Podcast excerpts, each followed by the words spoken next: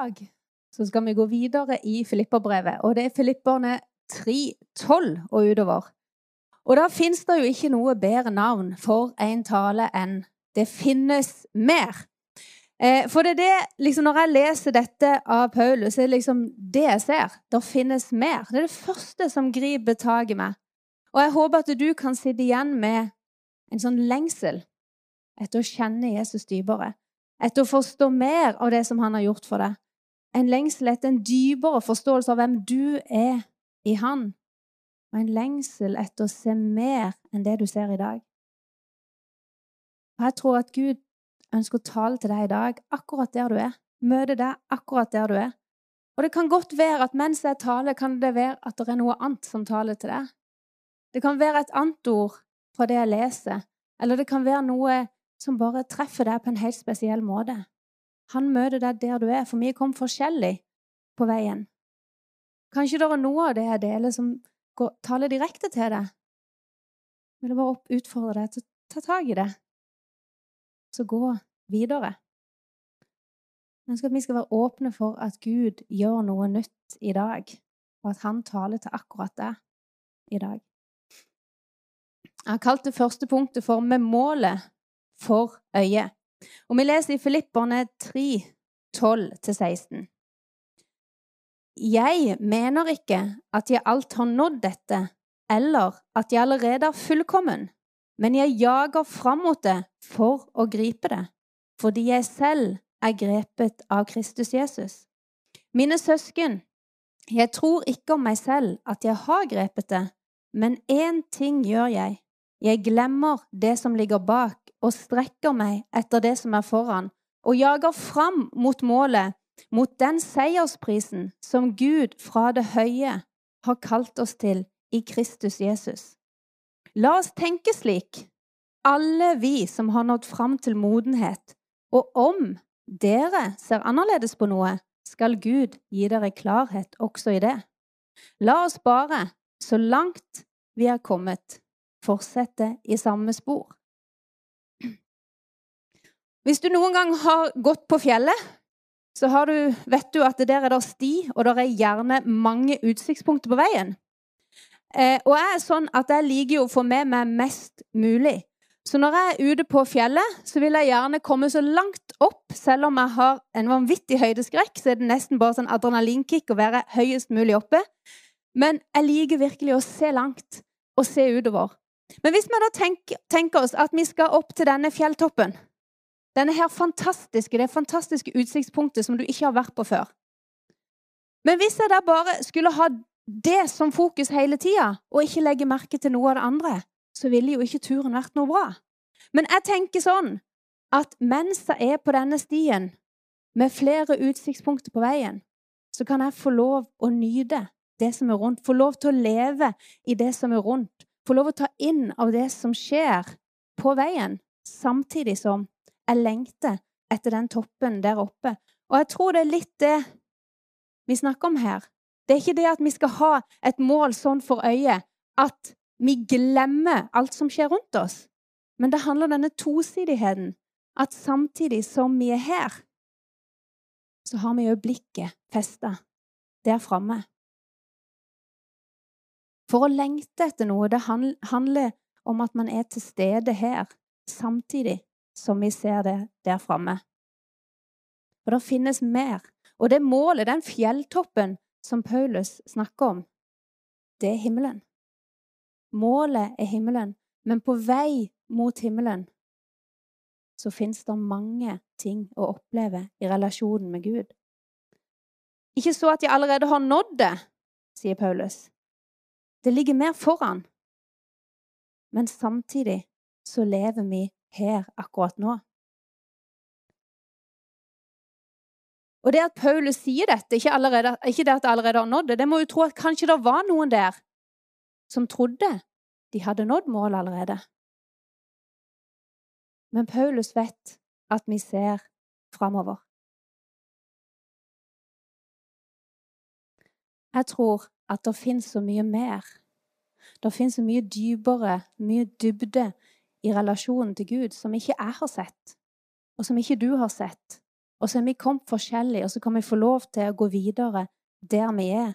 Vi kan få lov å være der vi er på denne vandringa opp mot fjelltoppen. Og så kan vi få nyte det vi ser her og nå, samtidig som vi har blikket opp mot det som er der framme. Grepet av Jesus. Paulus sier jeg mener ikke at jeg allerede har nådd det, eller at jeg allerede er fullkommen, men jeg jager fram mot det for å gripe det, fordi jeg selv er grepet av Kristus Jesus. Det er noe som driver Paulus. Til, altså Til tross for steining, pisking, blitt kasta i fengsel, forfølgelse, så er det noe som driver han. Og så sier han det fordi er grepet av Jesus. Det har skjedd en total forvandling i hans liv. Da han har gått ifra å forfølge de kristne, til noen få dager etterpå så blir han forfulgt av andre.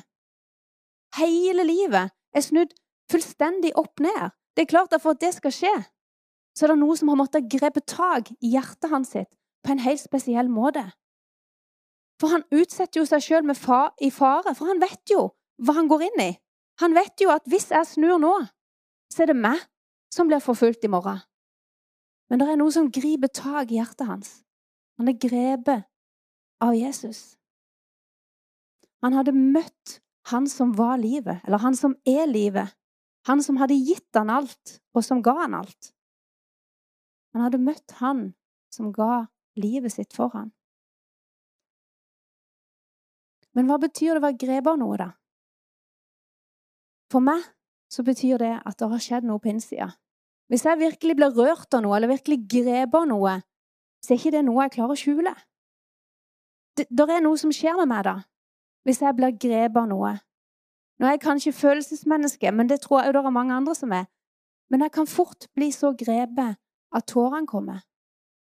Og sånn kan det òg være noen ganger når man er i Guds nærvær, når man bare står i lovsang, når man opplever at Gud gir han noe spesielt, at bare tårene kommer fordi man blir så grepet i hjertet.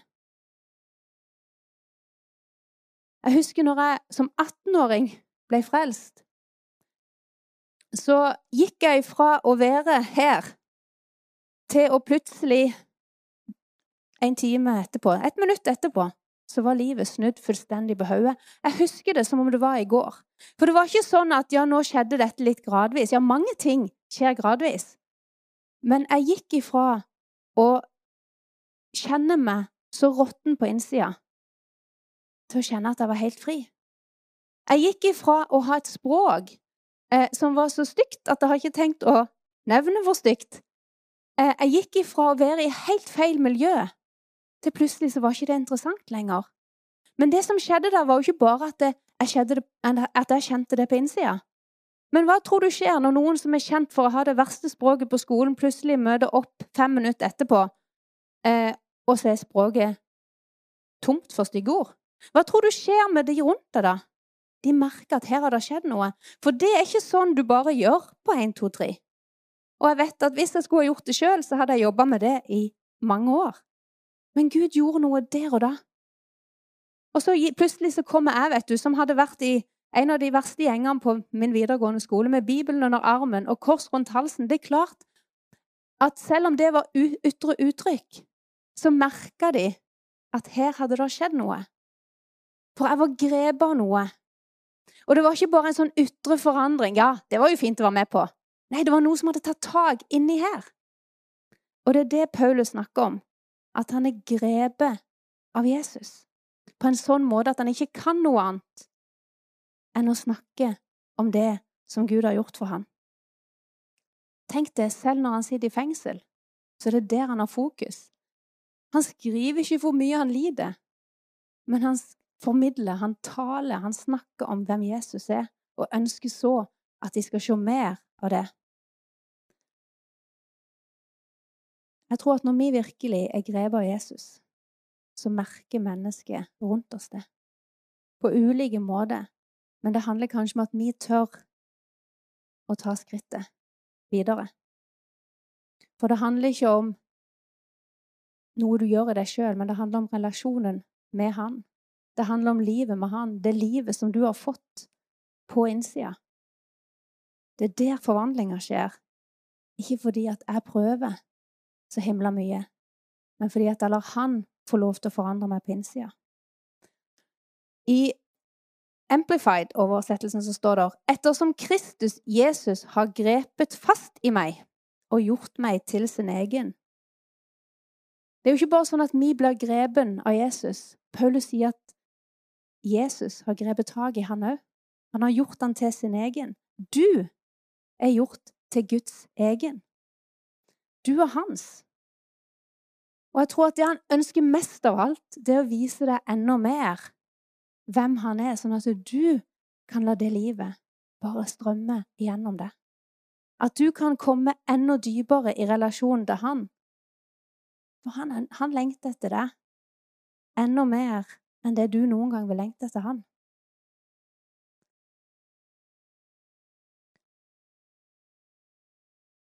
Jeg tror det handler om møtet med Jesus. Nå hadde jeg ett møte med Jesus der i skolegården for 23 år siden.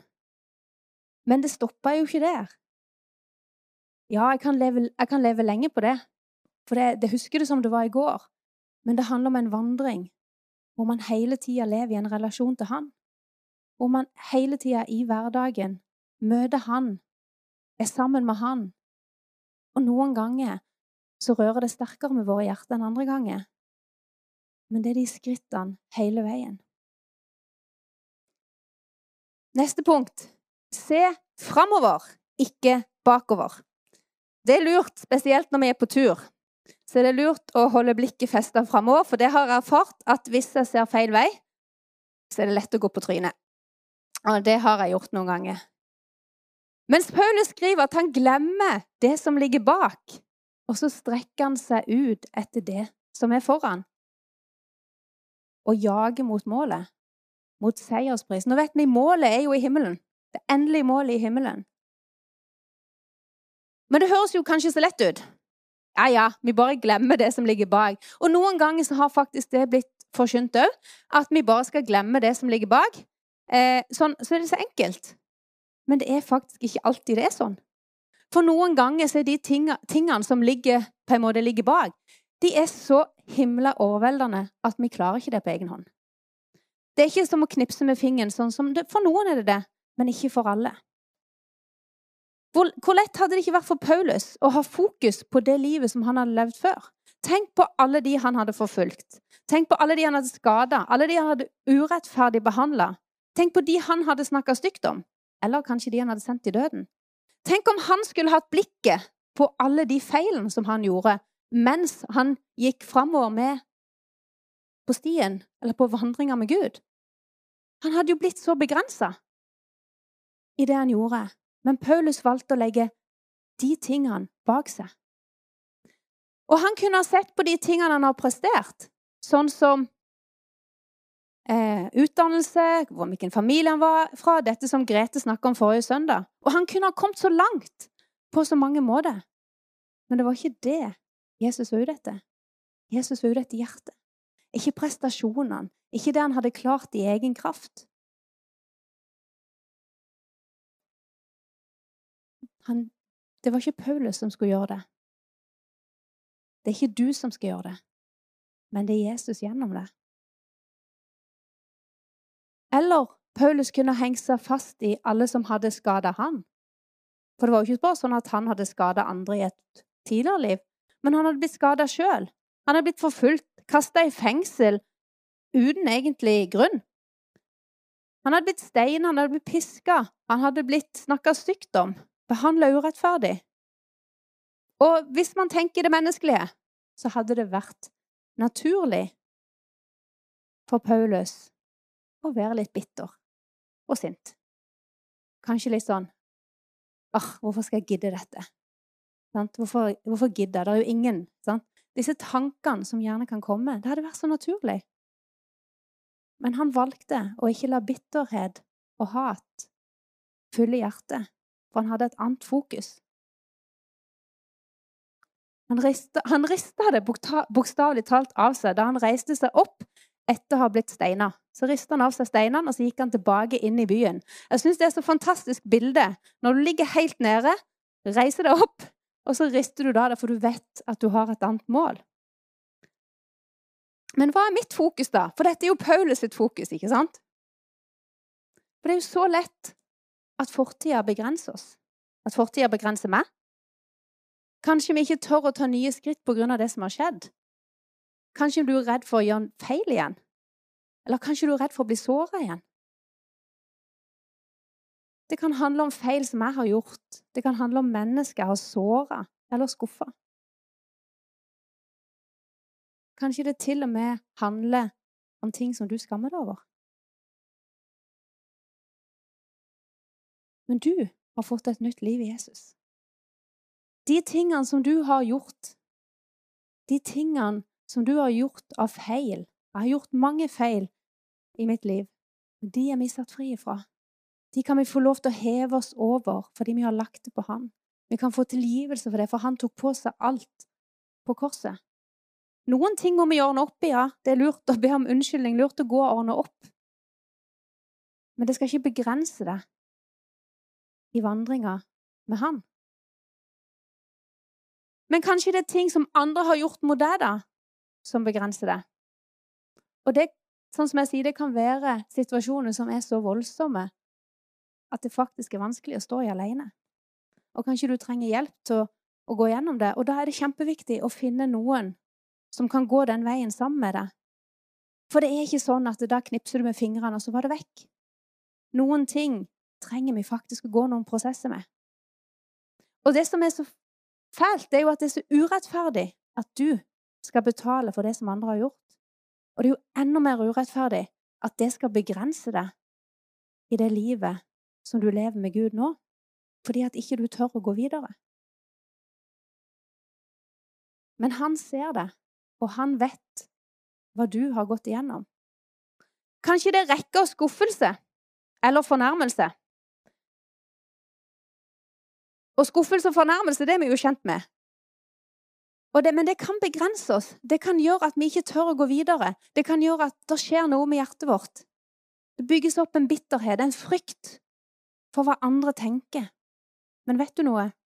De aller fleste fornærmelser de vet ikke den andre om at han har gjort engang. Fordi at noen ganger så blir vi faktisk fornærma av ting som egentlig ikke er noen ting. Har du tenkt på det? Det har jeg tenkt på. Og noen ganger så har jeg gått til personen og sagt du, det du Hæ, sa jeg det? Liksom. Eh, så noen ganger så tror jeg faktisk at vi henger oss opp i ting. Vi blir fornærma og skuffa på ting som egentlig aldri var meint som en skuffelse eller en fornærmelse. Det var kanskje ting sagt på en feil måte. Eller det var ting som ikke var meint sånn. Eller det var vår tolkning som ble litt feil. Og akkurat sånne fornærmelser og skuffelser, de reiser vi oss opp fra, og så rister vi de av oss, og så går vi videre. Ikke sant? Er dere med? For dette, de trenger vi ikke bruke mye tid på. Det er faktisk sånn at folk gjør feil, og det gjør vi òg. Og noen ganger gjør vi ting som vi ikke hadde meint. Men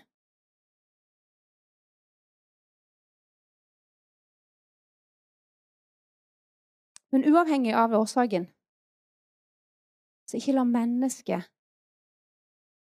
det mennesket har gjort, stå i veien for det livet du lever med Gud akkurat nå. Ikke la det begrense deg i den vandringa du er på. Ikke la det gjøre at du blir igjen på ene utsikts, det ene utsiktspunktet og ikke tør å gå videre. Kanskje du tenker det er lett for deg å si. Vet du, Jeg skulle faktisk ønske at det var lett for meg å si. Jeg skulle ønske at jeg kunne stå her og si at ja, men bare legg det bak deg, du. Men vet du noe? Jeg kan skrive under, du kan få signaturen min på at det er ikke lett. For jeg har sjøl jeg har levd et liv og har sjøl måttet ta oppgjør med ting jeg har gjort. Og har kjent på vanvittig mye skam.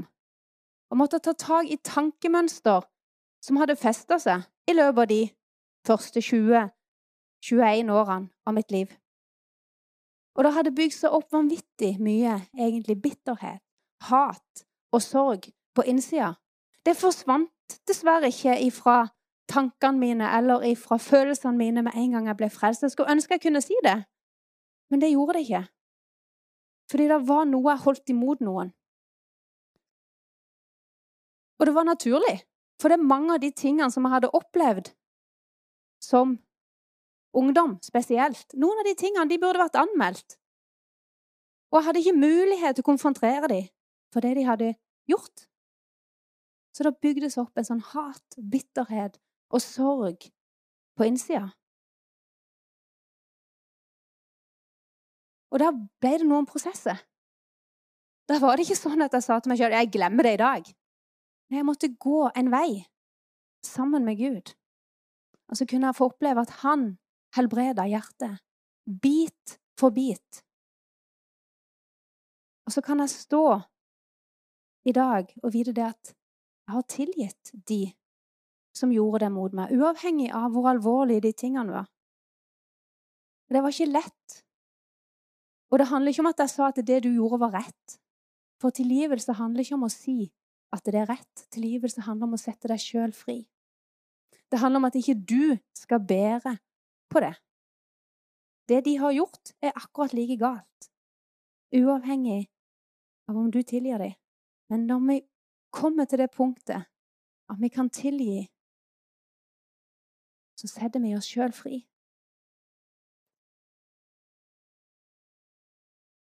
Og på den måten så kan jeg stå her og så kan jeg fortelle det, men det påvirker meg ikke på den måten lenger. Det er ikke den smerten. Men jeg kan få lov å bruke erfaringer. Så kan jeg si til deg at ja, noen ganger så er det faktisk ikke lett. Noen ganger så krever det noen prosess, prosesser og noen bevisste valg. Men det er verdt det. Det er verdt det. Jeg er mange ganger blitt urettferdig behandla sånn opp igjennom, men jeg husker spesielt én gang. Og det handler ikke om gangen når det skjedde, men det handler om det som ble sagt. Fordi at eh, jeg følte liksom at nå hadde det gikk så bra, og plutselig så blir jeg beskyldt for noe jeg ikke har gjort. Altså sånn seriøst ikke har gjort. Og ingenting jeg sa, hjalp, for jeg ble jo ikke trodd. Så kommer det en person til meg som av en eller annen grunn hadde sett hele bildet. da. Ingen herifra. Som sier 'du'. Og jeg tror ikke hun var kristen heller. Hun sa 'du'. Dette får meg til å tenke på når Jesus hang på korset. Så sa han 'tilgi de, for de vet ikke hva de gjør'. Så tenkte jeg ja, det er sant, det. Jeg har jo ikke gjort noe galt. Jeg kan gå med hodet heva, for de vet ikke egentlig hva de gjør. Og det gjorde noe med mitt fokus. Denne dama, som ikke jeg visste engang, bare Ja, du kan få lov til å gå videre. Og dersom du bærer på noe som er vanskelig, som er så tungt at du trenger hjelp, så snakk med noen du stoler på. Det er mulig å komme gjennom denne mørke tunnelen og komme over på andre sida. Og når det gjelder de tingene som du har gjort sjøl, så vil jeg oppfordre deg til å ordne opp i det, og det må jeg gjøre i mitt liv òg. For noen ganger så minner Gud oss på ting som vi kanskje ikke engang har tenkt på. Ja, OK, da, jeg må kanskje gå og si beklager for det. Men du setter deg sjøl fri da òg. Fortsetter i samme spor. Da sier Paulus La oss tenke slik, alle vi som har nådd fram til modenhet, og om dere ser annerledes på noe, skal Gud gi dere klarhet også i det.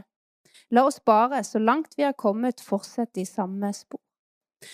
Jeg syns det er ganske interessant hvordan Paulus her sier at de som er modne, altså modne i liv med Jesus, at de skal tenke sånn. Og hvis noen mot formodning da skulle tenke annerledes, hvem er det da som skal åpenbare det? Jo, det er Gud. Det er Gud som skal overbevise dem. Det er Gud som skal gi dem klarhet. Og Noen ganger så tenker jeg for min egen del at vi må bare noen ganger legger ned denne her sånn, diskusjonen. Og så sier OK, Gud, det er du som må gi klarhet.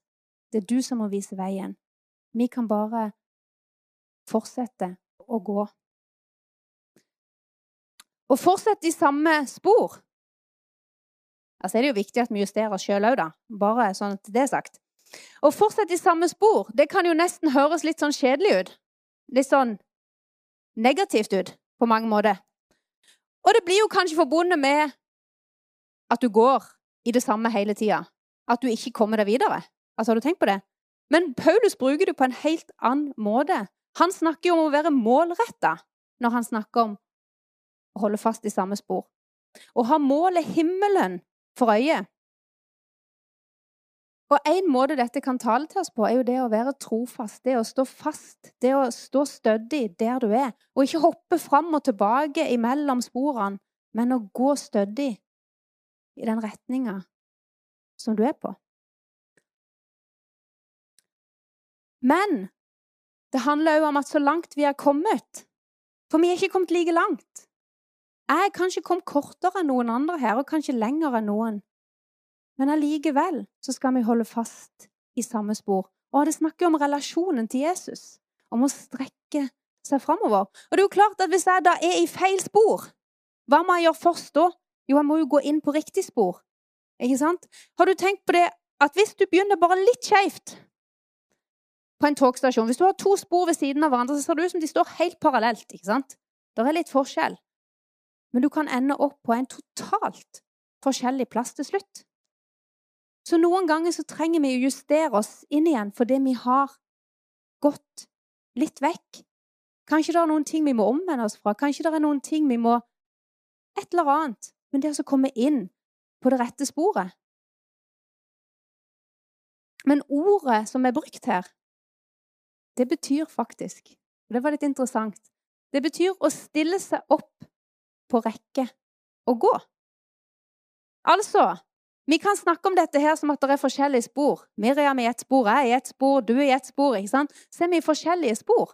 Men Paulus snakker om at vi skal stille oss opp på rekke og gå i det samme sporet fordi vi har samme retning. Vi har samme mål. Og det ble jo veldig interessant, da. At vi går i én retning på samme spor, med forskjellige oppgaver. For det er himmelen som er målet. Det er det som er endestasjonen.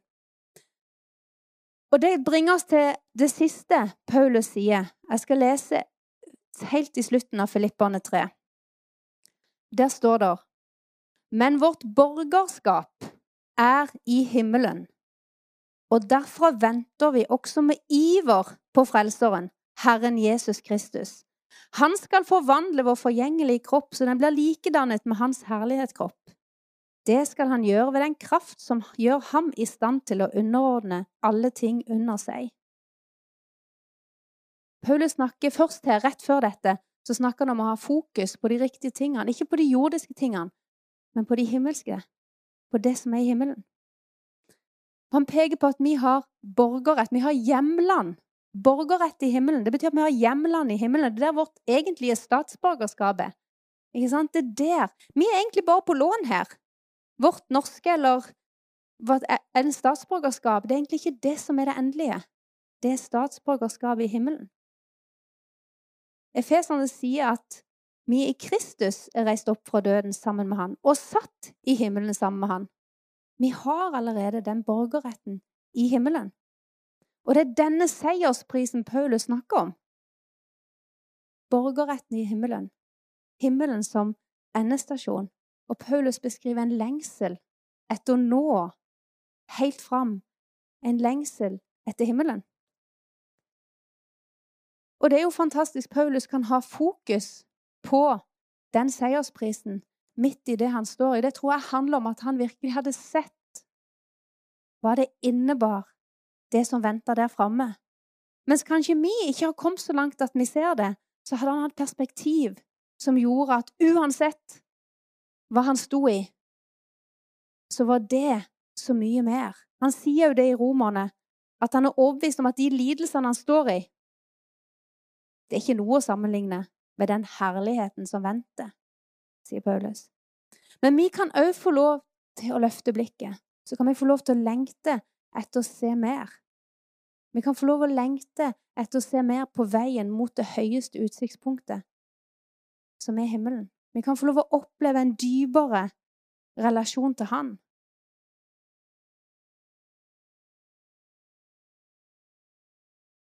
For det er mange ting å oppleve med Jesus før vi når det endelige målet, og da skal vi virkelig få møte Jesus. Og Det som er så fantastisk, er jo at den seieren er allerede vunnet. Det er ikke sånn at vi må kjempe egentlig på veien, for Jesus har allerede vunnet det. I alt dette vinner vi mer enn seier ved Ham som elsket oss. I Kolosserne 2,15 så står det han kledde makten og åndskreftene nakne og stilte dem til spott og spe. da han viste seg som seiersherre over dem på korset. Du kan få lov å strekke deg fram mot målet. Mot den seiersprisen som du vet at allerede ligger der. Det er liksom ikke sånn som hvis du er i VM. Så vet du liksom ikke om du vinner den medaljen der framme. Nå er ikke jeg i VM. Men selv om du er en storfavoritt, så er det ikke sikkert at den medaljen ligger der og venter på deg. Det kan være det har skjedd noe på veien. Men det som er så fantastisk, er at på denne vandringa, uansett hvor mange ganger vi faller og reiser oss opp igjen, så er seiersprisen der. Det handler ikke om at 'oi da, da gikk det ikke', da. Da fikk ikke du den medaljen. Nei. Seiersprisen er der. For der, seieren er allerede vunnet. Vi må bare velge å gå. Og skal vi få lov til å lengte etter og se mer i det livet vi lever nå. Vi kommer ikke til å forstå alt før vi kommer fram. Men i relasjonen til Han så skjer det en forvandling i våre liv. Når Han virkelig får gripe mer og mer tak i våre hjerter. Jeg lengter etter å se dypere hvem Han er. Etter å kjenne Han mer på dypet. Sånn at det er når jeg står i hverdagen, så er det ikke noe som rokker meg. Men jeg kan, at jeg som Paulus kan se opp på målet.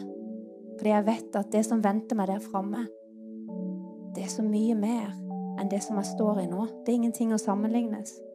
Kanskje du kjenner at det var noe som grep tak i ditt hjerte. Kanskje her du er her på Philadelphia, eller kanskje der du sitter hjemme.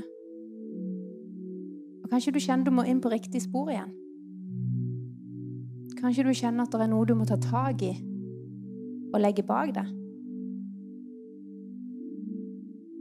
Eller kanskje du bare kjenner at du har mista noe av lengsel, noe av brannen.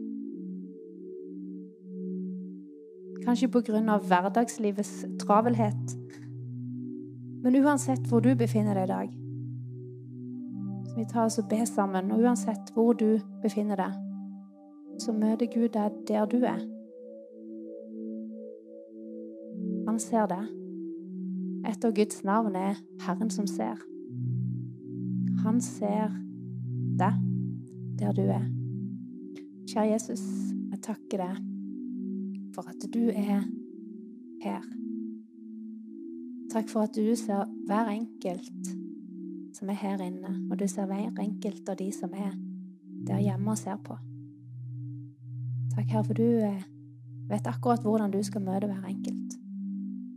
Og ber Herre om at du må igjen bare tenne en større brann, en større lengsel i våre hjerter, Herre. Større lengsel etter å se mer av hvem du er, etter å se mer av hvem vi er i deg, Jesus, og hva du har gjort for oss. Ber om at du minner oss på hvis det er ting som vi må justere, Herre. Ting vi må ta et oppgjør med. Du hjelper oss til å ta de riktige skrittene.